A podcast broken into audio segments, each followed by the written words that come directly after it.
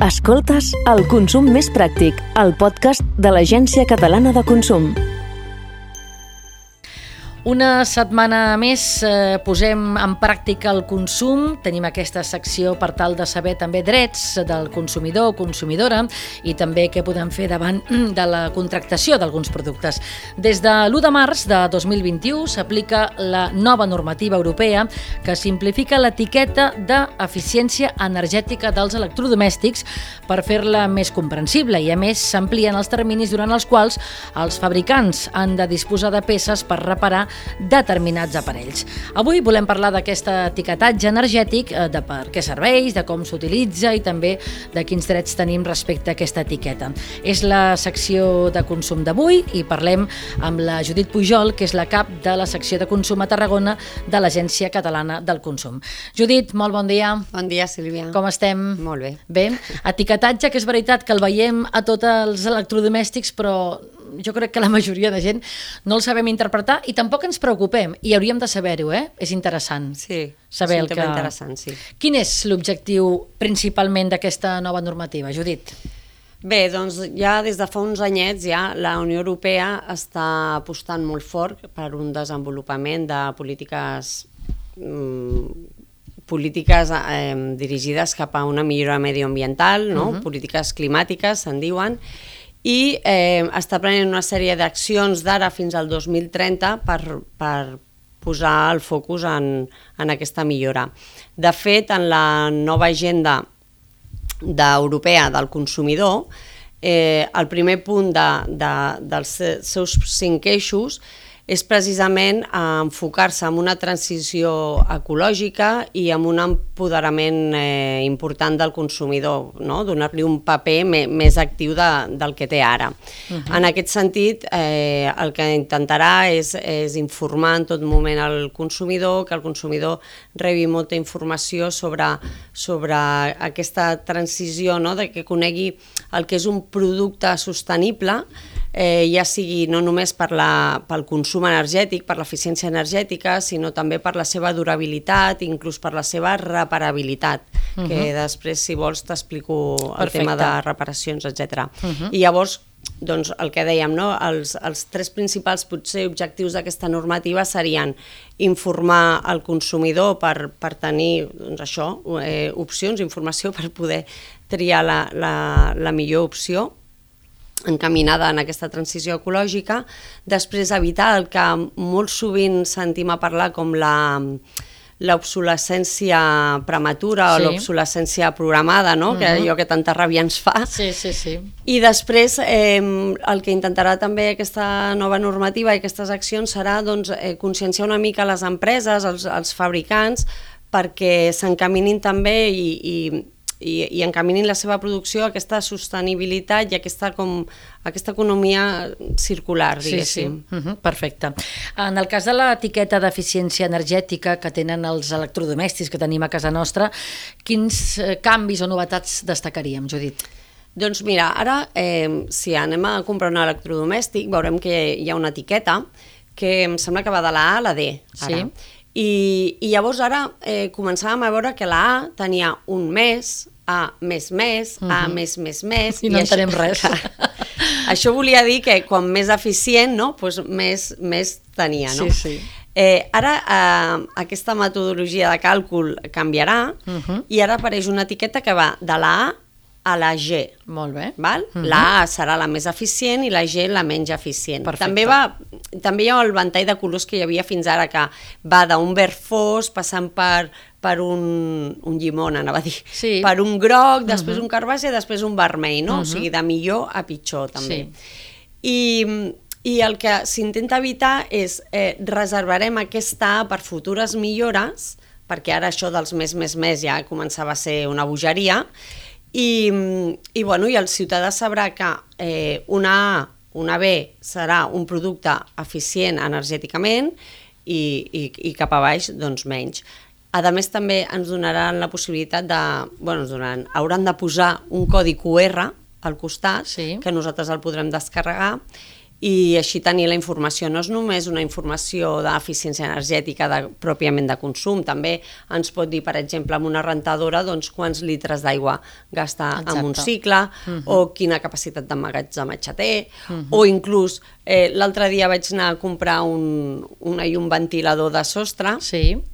i posava cada un eh, quin soroll feia. Imagina't, clar. I això està molt bé, perquè sí, a vegades et poses un marmoteco allà al sostre, sí, sí, comença sí. tu, tu, tu, tu, tu, tu, sí, i, sí, sí. i pots morir-te, no? Uh -huh. I o sigui, aquesta informació, doncs nosaltres ara ja la tindrem a l'abast.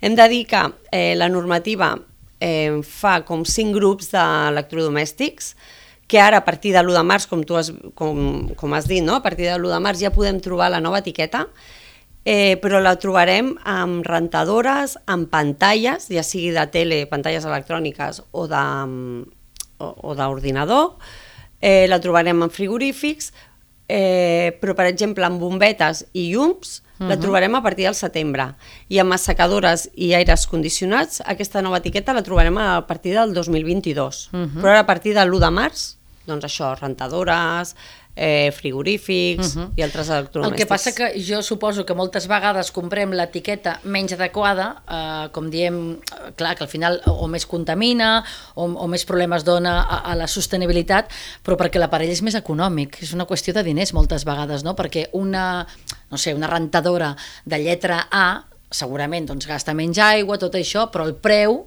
pot ser el doble o el triple que una de lletra G, no?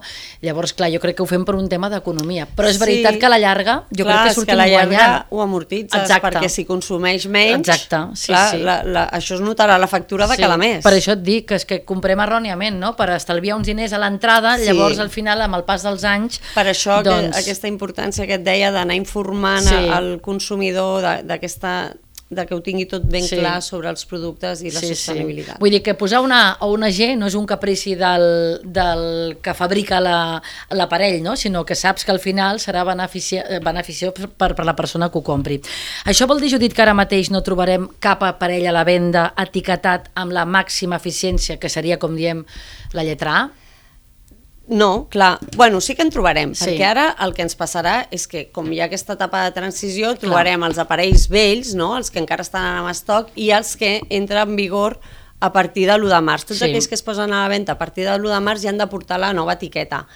Uh, ara encara en trobarem d'as, però la nova etiqueta sí que és veritat que l'A, com dèiem, s'ha reservat precisament perquè no ens passi això de posar yeah. més, més, més, més, s'ha reservat. I ara, un electrodomèstic que a lo millor porta la A més, amb la nova mm, etiqueta potser passa a ser una B Clar. o potser passa a ser una C Clar. perquè el que s'intentarà és que els fabricants a mesura que vagin eh, fent electrodomèstics que siguin millors eficientment i que passin certificats doncs puguin anar optant a aquesta A. Uh -huh. uh, uh, és per aquest el motiu que, que no trobarem la A. Després també eh, s'han fet com uns estudis dient que el consumidor no estava prou motivat amb això de les A més més i que aquest nou sistema de, de càlcul i, aquest, i, i aquesta etiqueta que va de la A la G potser el, el motivarà més a l'hora de triar el producte. Ja. Home, jo crec que és més clar, eh? una lletra determinada que no quan veus la A amb tres símbols al mes, no? que al potser final sí. jo crec que és més clar. Eh, si comprem per internet, que avui en dia també tantíssima gent compra ja electrodomèstics per internet, l'etiquetatge ha de ser el mateix o pot variar?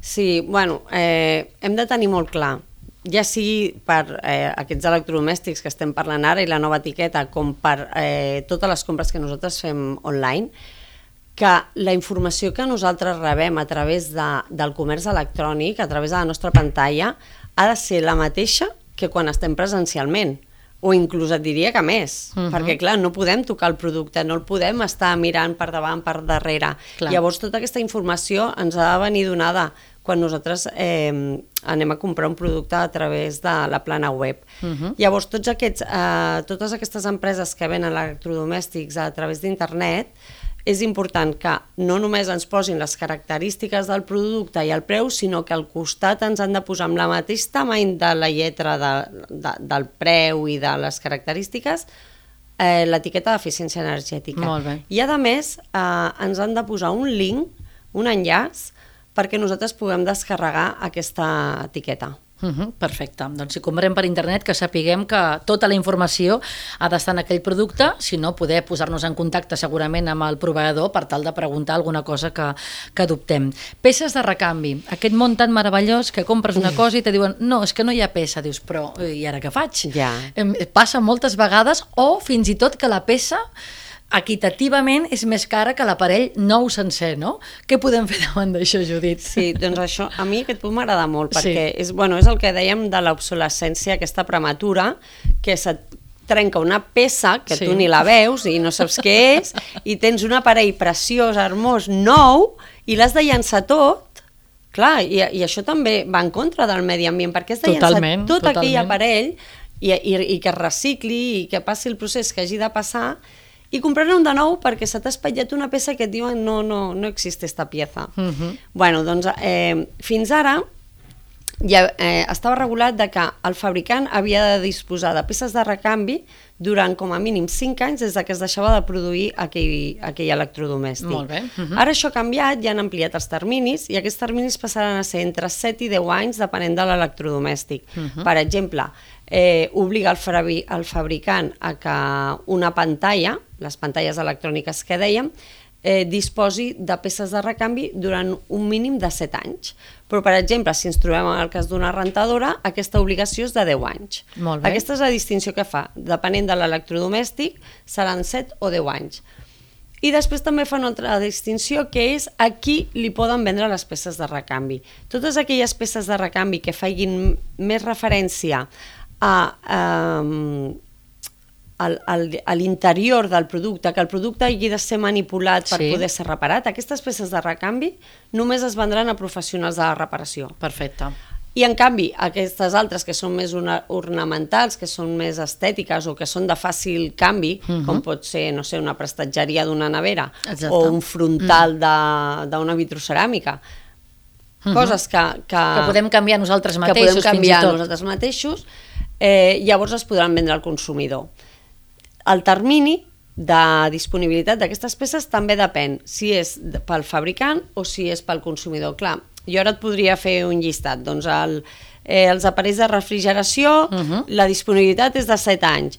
Si es ven a professionals, però si es ven a consumidors, eh, les peces eh, s'hauran de disposar 10 anys. Clar, 10 anys. Ara podríem aquí fer un, un llistat, però és una mica liós. En el Sí, moment perquè que cada hi tipus trobem, de peces o cada Exacte. tipus d'electrodomèstics pot anar, pot anar variant, no? Mhm. Exacte. Si més no, sí que, que peces n'hem de trobar, vull dir que ens han de facilitar poder eh, canviar aquella peça de, Sí, de l'electrodomèstic. N'hem de trobar, però a més, eh, no, no sé si també t'hi has trobat, que abans això també passava, que deien, bueno, es que hemos pedido la pieza a, que està en Alemanya i trigaven tres mesos en arribar la peça. Totalment. Està llegando, està llegando. Però Sí, dius, sí. bueno, l'estan fabricant i, i molt lluny d'Alemanya, perquè Mhm. no pot ser. Doncs ara aquesta normativa això també ho regula i diu que la peça, des de que es demana, haurà d'estar aquí amb un període de 15 dies laborals. Uh -huh. O sigui, això també, si es compleix, Si es compleix, si més no, estarà molt bé. El que, el que tenim clar cada setmana o cada 15 dies quan parlem amb la Judit i parlem de consum és que al final eh, tenim uns drets que igual si ens diuen no, és que ja no hi ha peces, no? I aquell aparell és relativament nou. O no, és que aquí no les tenim, o no, és impossible, o no, no sé què, sabem que tenim, podem reclamar, no? I podem exigir i podem apretar una mica perquè ens busquin una solució en aquell aparell, no? Sí. Això és així. I si més no, quan ens hi trobem, perquè òbviament no podem conèixer de memòria tota la normativa Sí. i que en tenim tantíssima, ja sigui estatal, comunitària, europea, tenim Mhm. uh -huh. tanta normativa, eh, nosaltres sí que tenim una plana web a consum.cat Sí. on allà hi ha un apartat que posa recomanacions i està molt bé perquè està dividit per temaris, o sigui, transport aeri o viatges o reparacions. Uh -huh. Llavors allà, si nosaltres tenim algun problema o algun dubte, podem anar a consultar allà. I, per Perfecte. exemple, tota aquesta informació que estem donant aquí està penjada a la plana web. Uh -huh. Entenc, Judit, que pel que fa a l'etiquetatge d'electrodomèstics d'aquesta eficiència energètica, també quan tu vas a comprar una botiga física, el venedor hauria de saber interpretar aquestes etiquetes, no? Sí, sí. Vale, vull de dir fet, que ha d'informar també del que ja, vol dir cada cosa. Està previst que se'ls hi faci una... Bueno, ja la- ja l'han rebut, eh? Una Mhm. formació a tots els venedors per poder informar d'aquests extrems. Molt bé. Doncs avui hem parlat d'aquesta etiqueta etiquetatge, que segurament veiem a casa i no li fem cas, o pensem, aquesta etiqueta la puc treure, doncs és una informació molt vàlida quan comprem un electrodomèstic, evidentment, doncs, sobretot per contribuir al medi ambient, no? per aquesta sostenibilitat i per tenir un món millor, evidentment, gastar menys aigua, contaminar menys, etc etc, que sempre és molt interessant. Judit Pujol, com sempre, gràcies per estar amb nosaltres des de l'Agència Catalana del Consum i fins d'aquí uns dies que parlem d'altres qüestions. Moltes gràcies, Sílvia. Gràcies, bon dia. Bon dia.